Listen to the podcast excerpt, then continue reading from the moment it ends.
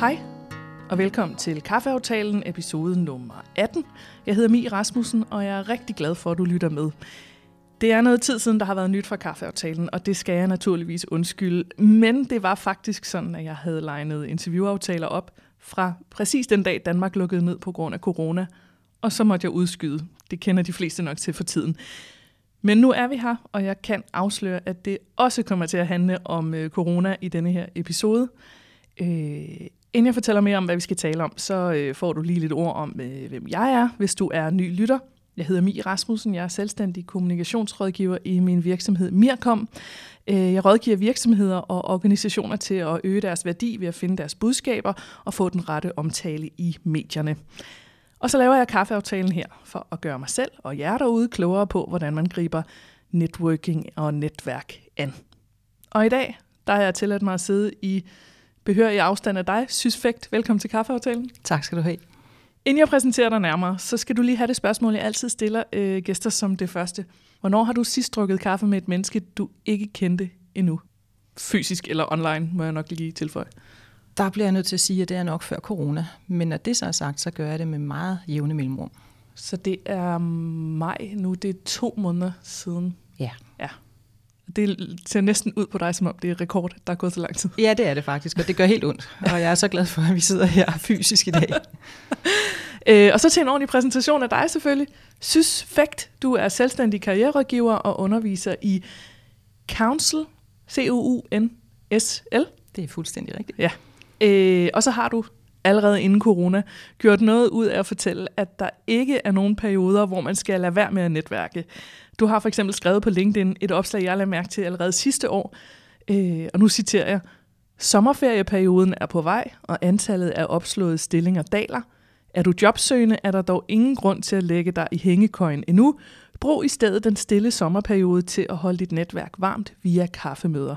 Måske bliver et af disse springbrættet til dit næste job. Så det skal vi tale om i dag. Tips og tricks til, hvordan man netværker, når vi nu bevæger os ind i en sommer, der ser helt anderledes ud end sidste år. Og så alligevel kan man jo så høre, at der er nogle, nogle fælles uh, træk. Ikke?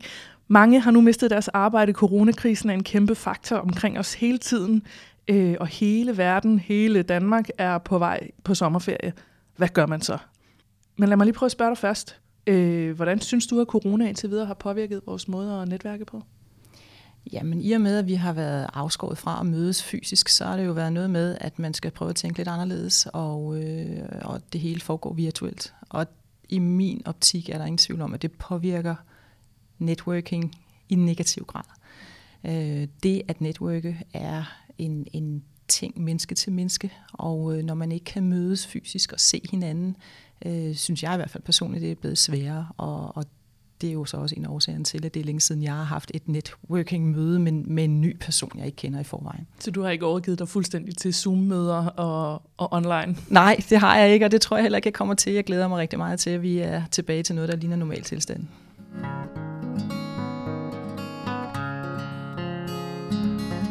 Vi skal jo som sagt have sparket noget øh, netværksenergi ind i folk derude, øh, hvor man ellers kunne forestille sig, det gør jeg i hvert fald, at der sidder en del, der tænker, at det her har virkelig lange udsigter i forhold til både at komme tilbage til et nyt normal, øh, og til måske at få et nyt job, finde nye kunder i butikken osv. Øh, så lad mig lige høre, hvis vi ser bort fra corona, øh, hvordan oplever du så oftest, at folk reagerer, øh, når det handler om at netværke op til og omkring øh, for eksempel sommerferien? Jamen, når jeg rådgiver jobsøgende, hvis vi tager dem først, ja. øh, så oplever jeg en, en desværre øh, stor modstand. Sådan lidt, jamen det kan man ikke, og jeg kommer jo til besvær, og jeg kan jo ingenting, og tilbyder ingenting, så, så hvordan kan jeg tage fat i folk? Det, det synes jeg er ubehageligt. Fordi man tænker, om de er jo alligevel på vej på ferie. Ja, de er på vej på ferie, og, og hvorfor skulle de bruge tid på mig? Det er sådan, at der er slået færre stillinger op lige nu, og så skulle man jo et eller andet sted tro, at så er der mange flere job, eller ansøgere per job. Men der har Ballis altså lavet en undersøgelse, sådan helt uvidenskabelig, men bare for at tage pulsen på tingene og sige, jamen det er faktisk ikke sådan, det forholder sig. Der er om muligt færre ansøgere per job lige for øjeblikket. Og det kan man så undre sig lidt over, at, at når der faktisk er slået stillinger op, og der er flere ledige, at der så ikke er større rift om stillingerne. Det lyder som om, der er rigtig meget psykologi i det her. Det, det tror jeg, der er, og det har noget at gøre med, tror jeg, at man netop nu brugte du den, den her formulering, jeg havde brugt om hængekøjene. Altså folk tænker, men der er nok ikke noget at gøre alligevel. Så jeg venter bare. Og det, det tror jeg faktisk er, kunne være en af forklaringerne. Hvorfor tror du? Altså, der kan jo være mange grunde til det, men, men hvad tror du, hvad, hvad oplever du fra jobsøgende øh, er grund til det?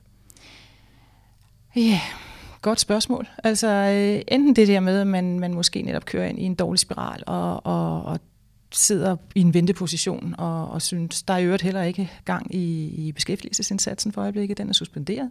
Det vil sige, der er ikke der er nogen, der sidder og pisker dig til at skulle søge x antal jobs ja, det er selvfølgelig det issue også. Det kan være, ja. øh, men det kan også være, at der er nogen, der simpelthen sidder og tænker, nå, nu er der slået stilling op, men der er nok allerede alt for mange, der har søgt, så jeg må hellere lade være. Altså der kan være masser af forklaringer, men, men man kan bare konstatere, at der i hvert fald ikke er større run på de enkelte opslåede stillinger, end der plejer at være. Men når vi nu taler, hvis vi så tager udgangspunkt i for eksempel sommerperioden, som, og nu er det jo kun maj nu, men altså, der er jo stadigvæk sådan, om et par uger, så begynder mange kontorer jo virkelig sådan at lukke ned, og de første begynder at skulle holde ferie. Øh, men er der, ikke også, er der ikke også noget om snakken nu, vi siger, at folk holder sig tilbage? Altså, når kontorer er ved at lukke ned, så gider de vel ikke blive belemret med nye ting, nye kaffemøder og alt muligt, de skal finde plads til i kalenderen? Jamen det er jo der, hvor jeg i virkeligheden oplever den, det stik modsatte. Øh, og jeg synes godt, vi kan sammenligne den tid, vi er i lige nu, selvom det kun er i maj, øh, og selvom der under normale tilstand måske ville være en måned til halvanden endnu, før tingene sådan for alvor begyndte at lukke ned på grund af sommerferie, så er det jo delvis lukket ned for øjeblikket. Der er rigtig mange virksomheder, som ikke er fuldt til stede. Men det, jeg oplever, er faktisk det modsatte. Vi er heller ikke så travlt, som vi plejer at have, og det har man typisk heller ikke op til en sommerferie. Og det vil sige, når nogen ringer for at bede om ens hjælp, jamen så har man bedre tid til at imødekomme. Øh, det vil sige, jamen du har tid til at mødes. Det kræver ikke noget af dig. Det kommer selvfølgelig an på, hvad agendaen for mødet er, og det kan vi jo snakke lidt om, hvordan man skal bede om de her møder lidt senere. Men hvis det er en agenda, der går på, at du ringer til mig for at få min hjælp til noget specifikt, som jeg kan hjælpe dig med, jamen hvorfor skulle jeg ikke bruge den halve time? Fordi den har jeg måske mere nu, end jeg vil have om et halvt år. Så i virkeligheden, jeg, jeg får sådan et billede af folk, der Altså der jo også er folk på kontoret, når mange er på ferie, så sidder der nogle få tilbage, der skal holde skansen, som faktisk måske har tid til at lægge de der ting ind i kalenderen, fordi der ikke er så meget kollega rand og alt muligt. Lige præcis. Vi vender jo, ja, som du sagde, selvfølgelig også tilbage til det der med, hvordan man helt konkret går til værks. Men har du egentlig mødt folk, øh, der netop tager de her nye kaffemøder og, og nye businessmøder og sådan noget ind midt i sommerferien? Ja, det har jeg. Øh, også mange af mine egne kandidater, som jeg simpelthen puffer til at gøre det. Fordi jeg synes jo, det er super ærgerligt, at man skulle sidde fra midt i juni til midt i august og sige, jeg kan ingenting. Så må man prøve at tænke lidt alternativt og lidt kreativt, og så prøve at lægge sine møder der. Og jeg vil sige, jeg er jo også stor fan af netværksmøder, så det er jo ikke kun for jobsøgende. Det kan jo også være for selvstændige som mig, eller bare i almindelighed for at holde sit netværk varmt. Så det er en fantastisk periode at gøre det i. Når man så inviterer øh, nogen på et, en eller anden form for kaffemøde i løbet af en sommerperiode, øh, skal man så gøre det på en anden måde, end man normalt gør? Altså skal man gøre det mere loose, eller udenfor, eller nu er der selvfølgelig mange grunde til, at folk holder møder udenfor lige nu, men, men giver det mening at give det sådan lidt et andet, en anden form? Principielt synes jeg, at det er det samme. Øh, igen, du skal gøre dig meget klart, hvad er det, du gerne vil have ud af det kaffemøde, inden du kontakter nogen. Øh, og lad os tage dit jobsøgende igen. Det, de ultimativt gerne vil have ud af det møde, det er jo selvfølgelig et job. Det er så bare den ene ting, du ikke kan sige, når du ringer op for at få et møde, fordi det er noget, du ikke kan bede om. Det er ikke noget, de kan give dig, og ergo så laver de en mental barriere, der siger, jamen du ringer til mig og siger, kan du hjælpe mig med et job? Puh, nej, det kan jeg sørge ikke, så, så bliver det svært at få kaffemøde med ja. Men hvis du ringer for at få sparring, øh, information om det, jeg laver, hvis vi har en fælles arbejdsmæssig passion for eksempel, den kan jeg fortælle en helt konkret historie om, øh, at man kontakter en person, man har fundet, for eksempel på LinkedIn eller andre steder, og siger, jamen vi deler en arbejdsmæssig passion, øh, den kunne jeg godt tænke mig at snakke mere med dig om. De fleste af jer skal godt lide at tale om det, vi går op i. Alle kan godt lide at tale om sig selv. Ja, sig selv og egne interesser. Og kan man så mødes med en ligesindet og diskutere den her fælles lidenskab, jamen øh, det kan vi næsten alle sammen godt sætte tid af til. Og så tænkte jeg bare om sommeren, er der måske også sådan en uh, gevinst i, at man kan sige, når man skal vi gå en tur og spise en is? Ja. Eller sådan noget, som jo ikke, altså øh, normalt kan det være sådan lidt øh, konformt, tænker jeg, det der med at, at være meget corporate og kontakte fra virksomhed til virksomhed, og være sådan, nu skal vi have enormt pænt tøj på, og sådan. Ja. Det giver sommeren måske mulighed ja, for lidt. sætter os udenfor at få den her kop kaffe, som det jo så alt sammen drejer sig om, om man så drikker kaffe eller ej. Øh, ja, det kunne, godt, det kunne man i hvert fald sige, der er mulighed for, at rammerne kan blive lidt mere løse i det. Mm. Øh, men for lige også at være øh, djævelens advokat her, øh, der er jo seriøst krise derude lige nu. Recession, siger man, øh, er der i hvert fald øh, stor risiko for, både i Danmark og i rigtig store dele af verden. Øh, kunne der ikke også være en pointe i at lade hele det her ligge, og så vente med at hive fat i potentielt ny, ny, ny arbejdsplads eller en mulig ny kunde til august eller til om noget tid, fordi man kan virke enten lidt for desperat eller lidt for øh, at folk har svært ved at træffe en beslutning lige nu alligevel. Jo, men igen, du ringer jo ikke for at få et job. Og jeg synes jo, det vil være sindssygt ærgerligt at spille to måneder på at lave ingenting, i stedet for netop at bygge din netværkskontakt, din netværksbase op, betale ind til den også. Altså det at netværket er jo både at give og at tage. Mm. Øh, og selvom det er dig, der kommer og beder om netværksmøde, fordi du har brug for noget hjælp fra den anden, har du altid noget at byde ind med. Din faglighed har jo ikke ændret sig, bare fordi du tilfældigvis er en opsagt stilling. Så det vil være sindssygt ærgerligt at spille tiden ved bare at vente. Øh, det er lidt det samme. Jeg underviser også i LinkedIn, og når jeg taler med folk og siger, jamen en ting er at bygge din, din personlige profil derinde, men hvis du laver ingenting med den, hvis den ligesom ligger i hængekøjen og bare venter på et eller andet, jamen så får du ikke glæde af din profil, så får du ikke glæde af dit netværk. Det er jo noget med at holde sit netværk varmt hele tiden. Og det koster noget tid og noget indsats, men du får det mange folk igen. Fordi når det hele så begynder at åbne op igen, om det så er efter corona eller efter sommerferie, så skulle det jo gerne være sådan, at de husker på dig og på den snak, I havde for et par måneder siden, og kommer i tanker om, at du er der, når de lige hører om den her jobmulighed, som I jo havde talt lidt om, da I mødtes. Og netop som du siger, så er der jo så faktisk flere stillinger slået op nu, end der har været i noget tid. Der er for det første flere stillinger slået op allerede nu. Selvom det ikke er op på normalen, så er der masser at søge på. Øh, men stadigvæk, lad os bare sige helt hypotetisk, at der næsten ingenting havde været søde på, skal man stadigvæk, så skal man måske endnu højere grad netværke, fordi så er det, du netop bygger din base op, sådan, så når der kommer gang i julen igen, så er det dig, de husker på, og ikke dem, der har ligget derhjemme i hængekøjen. Og hvis vi taler om selvstændige, så faktisk også det, jeg oplever, er, at selvfølgelig er der lagt lov på rigtig mange aktiviteter, øh, og der er virkelig mange øh, øh, brancher og erhverv, hvor, der, hvor det hele ligger fuldstændig stille nu. Men der er også andre, der har endnu mere travlt.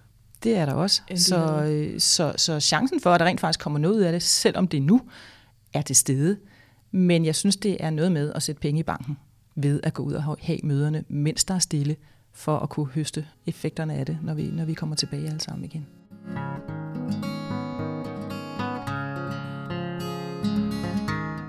Du har jo virkelig den positive hat på her. Du lever selvfølgelig også af at være karrierevejleder og lede folk ud i, øh, i enten job eller hvad for nogle øh, øh ting, der så skulle komme ud af at få øh, netværksmøder. Øh, men vi skal jo også øh, tale lidt om, hvad der så kan ske hen over en sommer. Og hvis vi nu tager udgangspunkt i sommerferien igen, fordi den både er så lang og rigtig sløv i mange øh, brancher. Øh, det gælder selvfølgelig også juleferien osv. Men, men kan du prøve at rise op, hvad man sådan øh, øh netværksmæssigt kan få ud af og netværke aktivt om sommeren? Jamen det kom, lad os tage den der metafor med, med netværksbanken. Det er noget med, at man har, vi har næsten alle sammen et stort netværk. Når man kommer på LinkedIn og får det visualiseret, øh, kan man nogle gange blive sådan helt forbløffet over, hvor mange mennesker man egentlig er stødt på i sin karriere. Og af gode grunde kan man jo ikke holde den tætte kontakt til dem alle sammen. Så dem, man skal ud og mødes med, det er jo typisk dem, som man måske ikke har set i 8-10 år, men har hørt fra om, der hjælper de sociale medier os jo rigtig meget, men få genetableret den netværkskontakt. Så det er jo noget med at, at undersøge, hvor er mit netværk henne i dag? Hvor arbejder de henne? Hvad laver de? Hvem vil det være relevant for mig at få genetableret den her netværkskontakt med? Og gøre det løbende. Nu taler vi op til sommerferie eller under coronatid, men i princippet, i min optik, så er det det samme, du skal gøre hele tiden. Så øh, kig dit netværk igennem, og jeg bliver ved med at tale om LinkedIn. Jeg er stor fan. Det kommer nok ikke bag på dem, der kender mig. men, øh, men det er den visualisering, det vil sige, at jeg har hele tiden muligheden for at holde mig opdateret på, hvor er mit netværk henne, hvad laver de nu. Og det kunne jo være, at jeg opdagede, at min gode gamle kollega fra for 10 år siden har fået sig et nyt job for måske et halvt år siden. Så ville det jo være en oplagt indgangsvinkel for mig at sige, er det ikke ved at være tid til en kop opdateringskaffe? Jeg vil rigtig gerne høre om det nye, du sidder og laver nu. Det ser super spændende ud. Og jeg kommer for at høre noget. Jeg kommer ikke for at sælge noget. Øh, jeg kan med sindsro sige, at den måde, jeg har bygget min egen virksomhed op på, har været den her vej. Jeg, har, jeg er ikke sælger, øh, og det lyder sådan lidt absurd, når man siger, at jeg har bygget min egen virksomhed op og lever af den i dag. Men det er ikke salg, jeg foretager. Det er networking. Og det vil sige, når jeg sidder derude hos denne her 10 år gamle kollega, som kommer og har fået sig et nyt job og, og gerne vil fortælle om det, for det ved de fleste af os gerne, øh, jamen når jeg så først sidder der, så er det jo helt naturligt, at de også spørger mig, hvad går du så og laver? Og så kan jeg få lejlighed til at fortælle om, hvad det er, jeg går og laver. Og hvis jeg er heldig, så er det måske noget af det, de kunne bruge også, eller kender nogen, der kunne bruge. Hvis jeg er lidt mindre heldig, men stadigvæk heldig, fordi vi mødes jo, jamen så får jeg en god kop kaffe og får et genetableret netværkskontakten. Og så kan det jo være, at de husker på mig om et halvt år, eller om et helt år, eller måske aldrig, men det er aldrig spildt. Jeg synes aldrig, det er spildt. Jeg bruger meget tid på networking, men for mig er det aldrig spildt. Og jeg opfatter mig egentlig som sidestillet med en jobsøgende. Jeg skal bare ud og hente min næste opgave. De skal ud og hente et mere permanent job, men det er samme mekanisme det har jeg faktisk aldrig slået mig lige. Øh, nu har jeg lavet ret mange episoder af kaffeaftalen, men det har jeg faktisk aldrig talt med nogen om. Det der med at tage fat i nogen, man har arbejdet sammen med for rigtig mange år siden. Øh, der kan jeg da godt mærke på mig selv, at det, er sådan lidt, det skaber sådan lidt pinlighed inden i mig. Og øh, hvis jeg skriver til nogen, jeg ikke har snakket med rigtig længe, fordi det kommer til at virke som om, jeg har alligevel ikke taget fat i dem, fordi det ikke interesserede mig før nu, hvor der er mulighed for altså et job eller at tjene penge. Eller sådan. Jeg tænker, det må være en meget sådan almindelig følelse at have det der med at, at, at ikke have talt med nogen i mega mange år, og så lige pludselig, oj, nu er du pludselig enormt interessant. Er der ikke noget, sådan, er der ikke noget ekstra, et eller andet fakehedslag i det der med at hive fat i nogen efter så lang tid? Jeg tror, det kommer an på, hvordan du, du selv tænker om det at tage fat i dem, fordi jeg tænker slet ikke sådan. Jeg tænker bare, ej, hvor sjovt, jeg faldt lige over Henriette, vi har ikke arbejdet sammen i 10 år. Jeg har sådan med jævne mellemrum måske set et lille opslag fra hende på LinkedIn eller noget andet. Måske har jeg også kommenteret det, så det faktisk ikke er 10 år siden, vi har haft nogen form for kontakt, mm. men vi har ikke mødtes. Og så ser jeg et eller andet med, at hun har skiftet job, eller hun måske laver et opslag. Der er jo en eller anden grund til, at jeg falder over hende. Men også selvom det var mig selv, der havde let igennem i min kontaktdatabase og faldet over hende og tænkte, okay, hun sidder et spændende sted, hende vil jeg gerne tale med. Ja, for mig ville det ikke være underligt at så sige, hej Henriette, hvor er det længe siden? Er det ikke ved at være på tide, at vi får genetableret kontakten? Jeg vil gerne give en kop kaffe, eller komme ud til dig, hvad der passer dig bedst, øh, og høre lidt om dit nye spændende job. Jeg gør det hele tiden, og jeg kan ikke, altså jeg vil sige, de afslag, jeg får, er typisk, jeg har ikke tid lige nu, men lad os snakke sammen om en måned. Øh, jeg tror ikke, jeg kan huske, at jeg har fået et nej. Nå, det er jo det gode tegn. Det er jo så øh, svaret på, at jeg er helt galt fat. Jamen, tænker, der er rigtig mange mennesker, der lader sig begrænse af deres... Øh, jeg ved ikke engang, hvad vi skal kalde det, men, men, men de synes, det er grænseoverskridende. Mm. Rigtig mange af mine ansøg eller mine, mine jobsøgende kandidater synes, det er ekstremt grænseoverskridende. Og øh, jeg sværger jo til at tage telefonen. Jeg kan bedst lide at ringe til folk, fordi når man har folk i telefonen, så har man dem der i røret, og de kan ikke bare smutte igen. Øh, hvorimod hvis jeg sender en mail, så kan den mail eller besked på LinkedIn, så kan det risikere at drukne blandt alt muligt andet. Ja, så er den ude af skærmen igen. Altså. Så, ja, og så skal jeg til at rykke og ja. følge op, og det synes jeg er mere ubehageligt. Altså, hvis ikke jeg får fat i dem første gang, jamen, så ringer jeg jo bare igen. Jeg lægger ikke besked. Jeg, jeg ringer bare igen.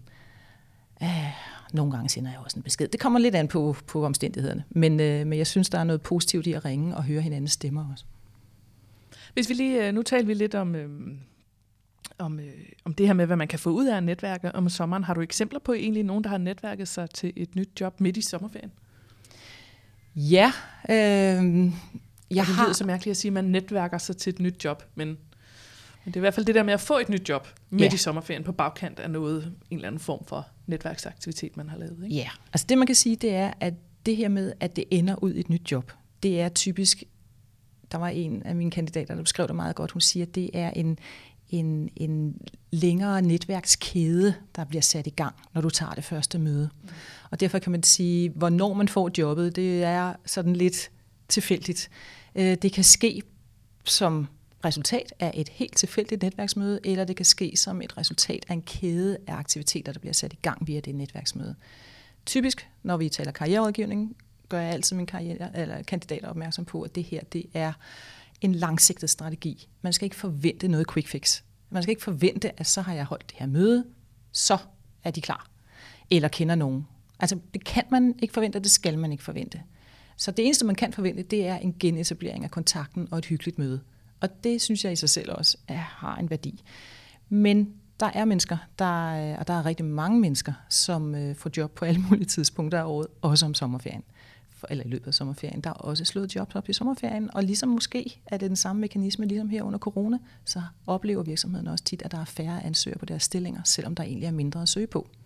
Der kan det være, at folk sidder og i et sommerhus eller i Grækenland eller noget ja. andet, og ikke har tid til at søge, men, men det vil sige, at man er faktisk en blandt færre, hvis man aktivt gør noget under corona, op til sommerferien, i sommerferien. Det er jo et rigtig godt tip. Ja. At man faktisk måske potentielt kunne have bedre øh, øh, mulighed ja. for at blive valgt. Det tror jeg, på de opslåede stillinger. Og lige præcis den, du siger der, det er jo faktisk det, der gør, at man skal netværke. Fordi nogle gange kan man være heldig at komme ind, før et job overhovedet bliver slået op. Mm. Man har været der, man har vist, hvem man er.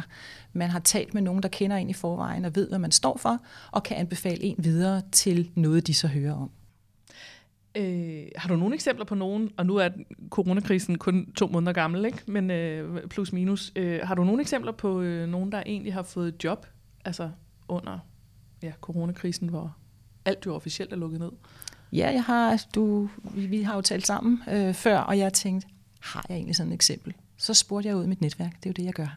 Og så fik jeg faktisk en masse gode eksempler på folk, der i løbet af en nat havde svaret mig på et opslag, jeg havde lavet på LinkedIn, og, øh, og gerne ville snakke med mig om øh, den historie, de netop havde. Og en af dem var en kvinde, som, øh, som hun siger, øh, hun er i en af de her grupper, som, som føler sig måske nogle gange lidt diskrimineret på arbejdsmarkedet, fordi hun er i slut 50'erne.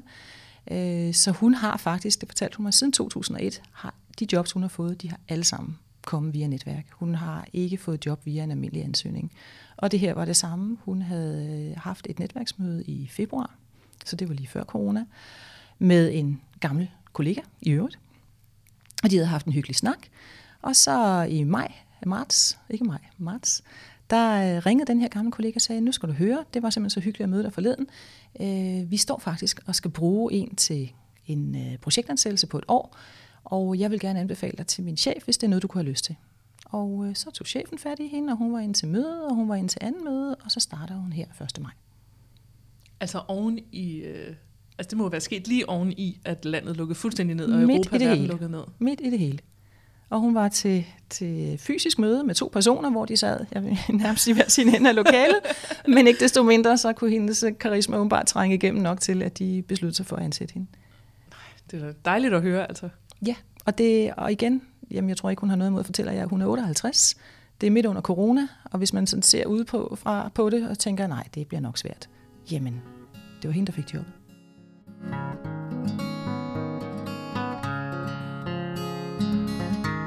Og så lad os gå videre til det helt konkrete. Øh, for som det altid er i kaffeaftalen, så skal der jo komme nogle konkrete øh, tanker og idéer, som lytterne kan tage med sig videre, øh, om de så er jobsøgende, selvstændige, eller hvordan det forholder sig derude. Øh, når man så øh, tænker, når du sagde netværkskæde, jeg skal have sat en eller anden form for netværkskæde i gang, som forhåbentlig kan kaste noget af sig i løbet af, måske allerede i sommerferien. Hvordan i alverden gør man? Jamen, man starter med at kigge på sit netværk. For eksempel på LinkedIn, hvis det er der, man har samlet det, eller i sin Outlook, hvis det er der, man har sine kontakter. Og så siger man, okay, hvor er folk henne? Hvor kunne jeg godt tænke mig at arbejde henne? Er der en bestemt branche? Er der nogle bestemte virksomheder, jeg godt kunne tænke mig at arbejde for?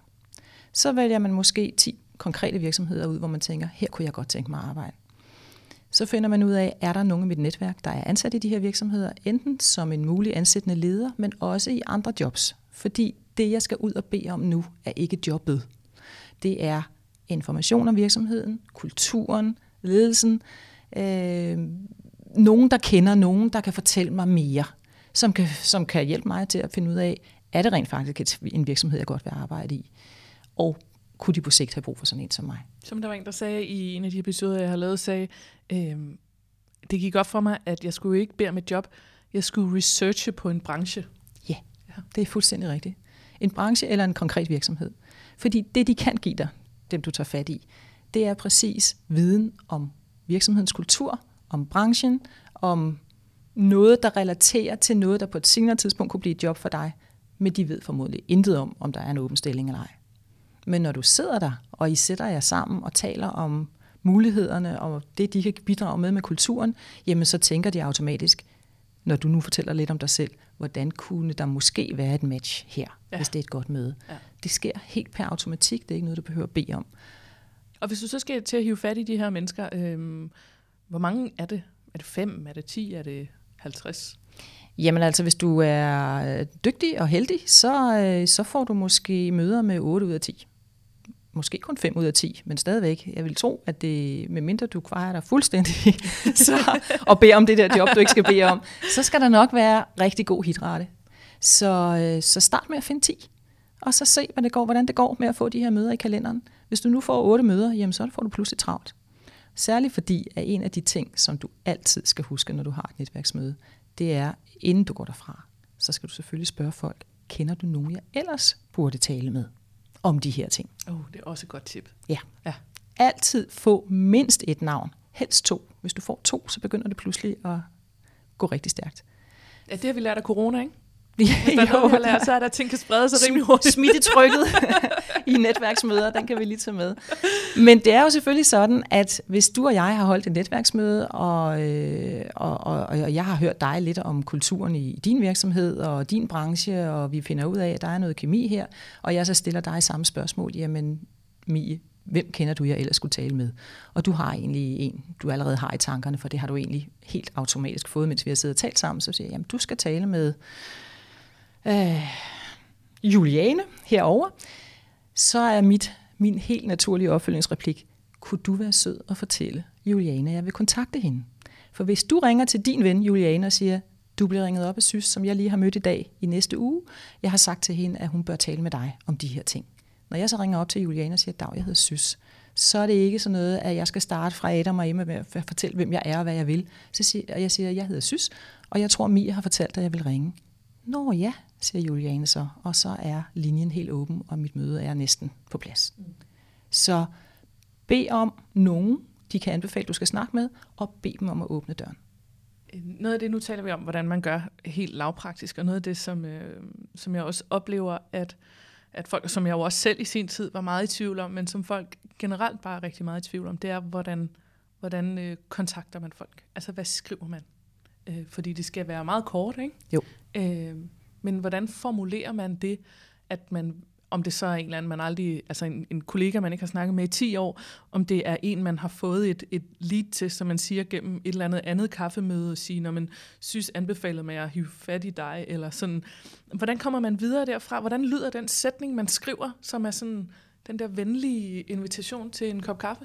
Altså enten så kan du være meget specifik om dit formål typisk hvis du er længere ude, hvis ikke det er en, du selv kender, hvis du er ude i andet led, mm. eller måske endda helt ude i tredje led, så er det, tror jeg, vigtigt, at du lige får fortalt, hvad det er, du gerne vil mødes om. Ja. Jeg har sådan et meget konkret eksempel med en, en af mine kandidater, som vi havde talt omkring networking med, og hun havde fundet en meget spændende profil ude i markedet, som havde den samme passion omkring, i det her tilfælde HR, som hun selv havde. Og hun havde simpelthen skrevet til hende og sagt, jeg har læst nogle af de artikler, du har skrevet. Jeg synes, det er sindssygt spændende, det take, du har på lige præcis den her disciplin inden for HR. Kunne du tænke dig at mødes med mig til en kop kaffe? Og så siger den anden, det ved jeg sørme ikke. Øh, jeg får mange invitationer til kaffemøder. Hvad vil du gerne tale om?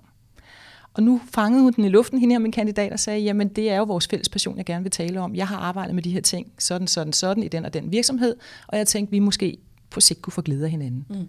Det synes den anden så lød som en god idé, og så mødtes de. Men jeg tror, det er vigtigt, at du får fortalt, hvorfor vil du gerne mødes, hvis du er langt ude. Hvis det er dit eget netværk, dem du kender selv i første led, så synes jeg bare, at du skal holde på det uformelle. Det er i hvert fald det, jeg plejer at have, bedst succes med at sige. Hvor er det længe siden? Jeg faldt over din profil. Jeg så et indlæg, du havde lavet. Jeg, altså, hvad der nu kan være årsagen til, at du er faldet over den her person. Og jeg tænkte, det er simpelthen for længe siden. Har du ikke lyst til, at vi mødes til en kop kaffe? Ja. That's it. Det behøver ikke være særligt kringlet. Og så lyder det, jeg tænker, hvis det var mig, der havde sendt den der, når man sidder sådan helt angstromkaldning, og det er virkelig brændsårskridende for at sende den der mail afsted, og så kommer der en besked tilbage fra den der person, man måske ser helt vildt meget op til, der skriver, kan du lige prøve at fortælle, hvad er det egentlig, vi skal tale om? Der kan man hurtigt sådan blive pillet fuldstændig ned, ikke? Jo, det Men kan det man lyder godt. som om, at hun var ligesom, ja, som du siger, hun greb den i luften og sagde, øh, det er jo egentlig ikke et, det er ikke en afvisning nødvendigvis, men det kan bare godt se sådan ud på, på skrift, ikke? Jo, fordi man skal også huske, at det, man, det er dig, der kommer og beder noget. Du, du kommer og om mødet. Så jeg synes også, det er fair, at modparten så stiller spørgsmål og siger, jamen, jeg vil meget gerne bruge en halv time med dig, hvis vi har noget konkret at tale om. Men hvad er det, du gerne vil tale om? Og så netop ikke føle sig afvist. Det er jo ikke dig. det er jo deres tid, og det skal man have respekt for. Men igen, hvis det er dine egne kolleger, tidligere kolleger eller egne netværkskontakter, så er den lidt løse formulering med en kop opdateringskaffe, den, den er som regel nok. Det kan være, at nogle af dem siger, at du ved det, hvad, jeg har super travlt, men jeg vil jo egentlig gerne møde dig, men er der noget konkret, vi skal tale om? Og så er det færre at vende tilbage og sige, jamen altså, jeg er for øjeblikket i gang med at undersøge, om pharma-branchen måske kunne være noget for mig. Øhm, og jeg har brug for lidt input fra folk, der kender branchen indenfra, og det ved jeg, at du gør. Så jeg tænkte, vi kunne kombinere det hyggelige med det praktiske og få en kop kaffe sammen, hvor du kunne fortælle mig lidt mere om det. Så er jeg næsten sikker på, at så vil de sige ja. Nu er vi jo så i en periode nu, nu har vi talt meget om kaffemøder, hvor kaffemøder har en lidt anden form, øh, og har i hvert fald lige nogle måneder øh, været øh, vanskelige for ikke at sige umuligt at holde fysisk.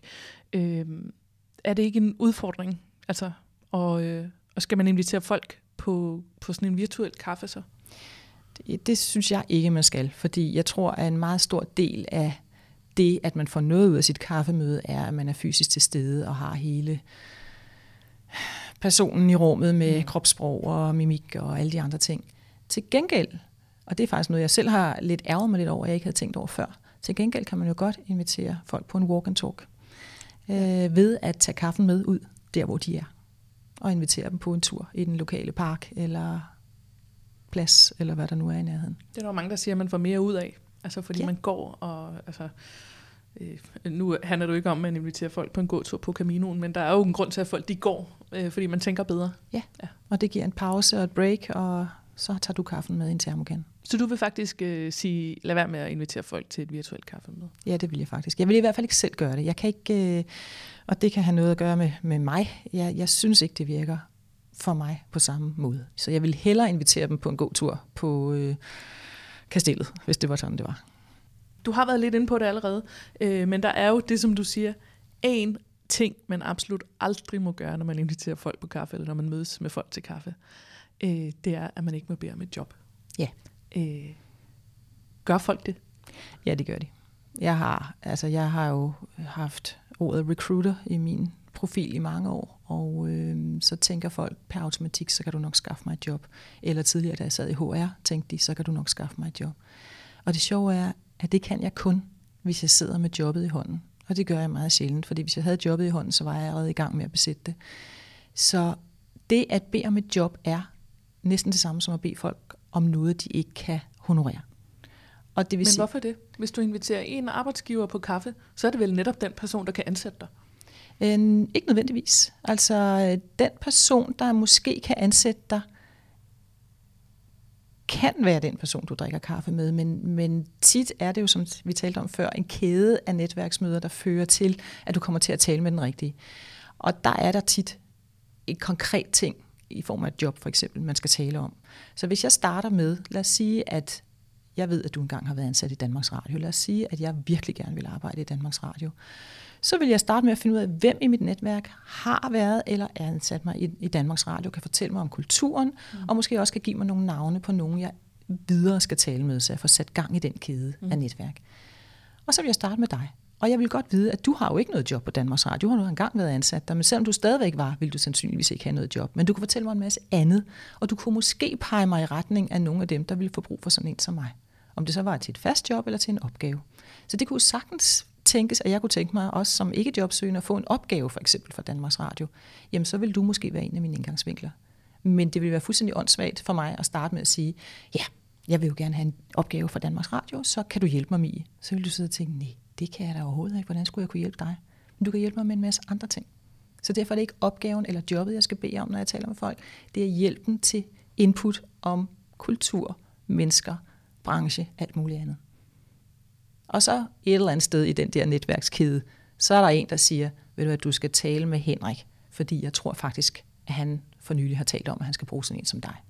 Og så når jeg ringer til Henrik, så er det det, vi skal snakke om. Mm.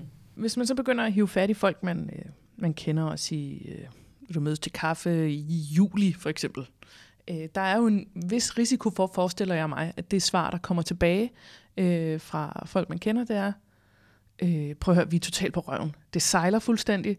Vi har ingen idé om, hvordan øh, fremtiden ser ud for virksomheden, og i øvrigt er 80% taget på sommerferie. Hvad gør man så? Jamen, først og fremmest, du skal ikke ringe i mig og bede om en kaffeaftale i juli. Nej, nu taler vi mere det. Men lad os sige, at vi ringer den 1. juli og gerne vil foreslå noget i næste uge. Den 8. juli. Ja. Øh, og de siger, jamen jeg ved ikke noget om noget, og det kan være, at vi lukker helt ned, jeg ved ingenting. Så vil jeg sige, jamen ved du hvad, det, jeg synes, vi skal mødes alligevel. Det kan være, at jeg kan hjælpe dig med noget. Øh, jeg ringer ikke for at få et job. Jeg ringer for at få noget information. Øh, ingen ved, hvad der kommer til at ske om to måneder. Det ved du selvfølgelig heller ikke. Men lad os da mødes alligevel, hvis du har tid. Så jeg synes ikke, man skal lade sig... Jeg synes, det er faktisk ret væsentligt, det der med, at det handler ikke om et job. Det kan godt være, at det er dit ultimative mål, men alt det, der fører op til, handler reelt ikke om et job. Og det vil sige, det gør ikke noget, at de er i en uafklaret fase, og ikke aner, hvad der skal ske. Det kan være, at den person, du mødes med om to måneder, ringer til dig og siger, ved du hvad, det endte desværre med, at vi lukker. Jeg har mistet mit job. Det kan være, at du kan hjælpe mig nu. Det var også det, jeg tænkte lige, da du sagde det. Der er jo faktisk i denne her periode måske meget større chance for, at man at, at hjælpen kan gå begge veje. Præcis. End, øh, end i en almindelig øh, arbejdsmæssig situation. Ikke? Ja, præcis. Det du fortæller lyder meget som om, at du også, øh, at du også taler en del omkring det, som jeg hører mange sige, det der med, at det vigtigste ved kaffeaftaler er, hvad kan jeg hjælpe dig med? Øh, men er det ikke lige præcis udfordringen, tænker jeg, når man er jobsøgende for eksempel, det er, hvad kan jeg hjælpe dig med? Men det er jo, det er jo altid en, det er jo altid uligevægtigt på en eller anden måde, når man står som jobsøgende og inviterer folk på kaffe. Der vil, udgangspunktet vil vel aldrig være, hvad kan jeg hjælpe dig med? Altså principielt har vi alle sammen noget, vi kan hjælpe andre med, også selvom man er jobsøgende. Igen, det er jo ikke sådan, at du er fuldstændig uden evner, bare fordi du lige nu står imellem to jobs. Nej. Du kan præcis det samme, som du kunne før. Du har præcis det samme erfaringsgrundlag og, og baggrund at byde ind med. Når det så er sagt, så er der heller ingen tvivl om, at når det er dig, der i en situation som jobsøgende beder om en kaffeaftale, så, så tror jeg, at begge parter er helt klar over, at, at det ikke er dig, der skal komme og starte med at spørge, hvad kan jeg hjælpe dig med? Mm. Men det er ikke ens betydende med, at du ikke undervejs, at I finder ud af, at der er noget, du kan hjælpe med også. Men det, det er lidt pudsigt, fordi der er nogen, der har øhm, fået den opfattelse af netværksmøder, at det, skal, det er jo noget med, at vi skal hjælpe hinanden. Så det allerførste, jeg har faktisk mødtes med et par stykker, sådan ude i, i den PFR-kreds, hvor jeg ikke kender dem i forvejen, men hvor vi så er blevet enige om at mødes. Og det første, de siger næsten, når vi mødes, det er sådan, Nå, synes, hvad kan jeg så hjælpe dig med? Og jeg bliver sådan helt paf hver gang, fordi det er altså dem, som indledning til møde nærmest? Ja, nærmest. Ja. Altså, de har bedt mig om at mødes, og jeg har sagt, lad os mødes. Og så tænker jeg, det bliver spændende.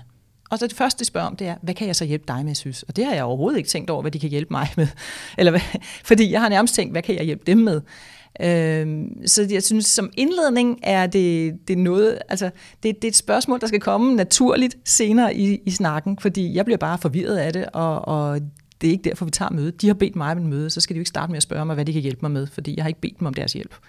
Øh, men det må gerne underlægge i snakken være sådan, at øh, jeg forventer, at det er mig, der kan hjælpe dem med det, de nu har bedt om. Øh, information om branche, kultur, og, øh, jobmarked, whatever. Men når vi så har haft snakken, så vil jeg synes, det var god stil, hvis de så sluttede af med at sige, synes, jeg har fået simpelthen så meget at vide. Tusind tak for din hjælp. Og er der noget, jeg kan hjælpe dig med nu eller senere, så tager du bare fat i mig.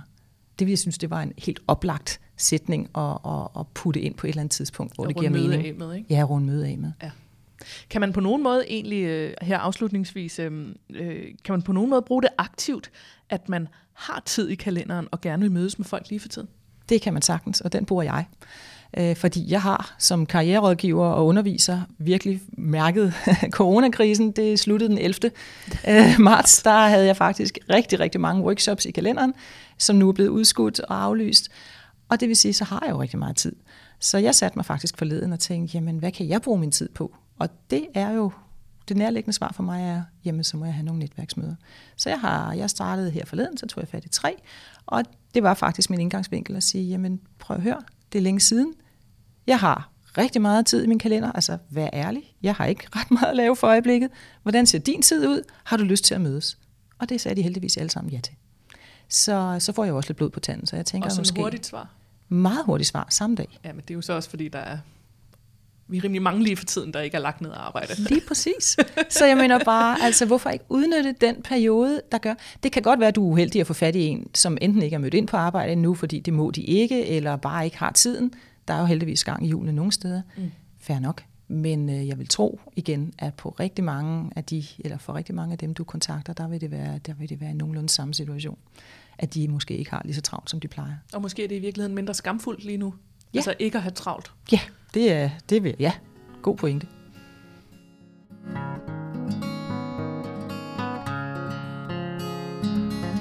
Syseffekt, det var dejligt at tale med dig. Tusind tak, fordi du ville være med i kaffeaftalen. Velbekomme, det var så hyggeligt.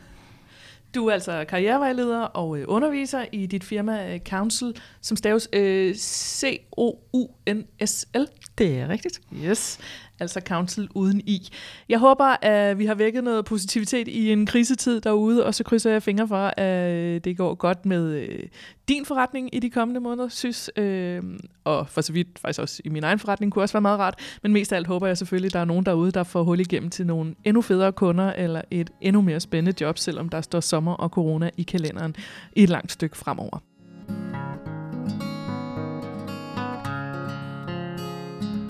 Det var kaffeaftalen for i dag. Tak til dig, der rater kaffeaftalen i iTunes, og hvor øh, I ellers kan komme til det. Tak fordi du lytter med, om det så er via altså iTunes, eller Podimo, eller Spotify, eller Google Podcast, eller et helt øh, femte, sjette sted. Og øh, tak til alle jer, der har trykket følg på kaffeaftalens side på LinkedIn, øh, hvor jeg løbende lægger nyheder ud herfra.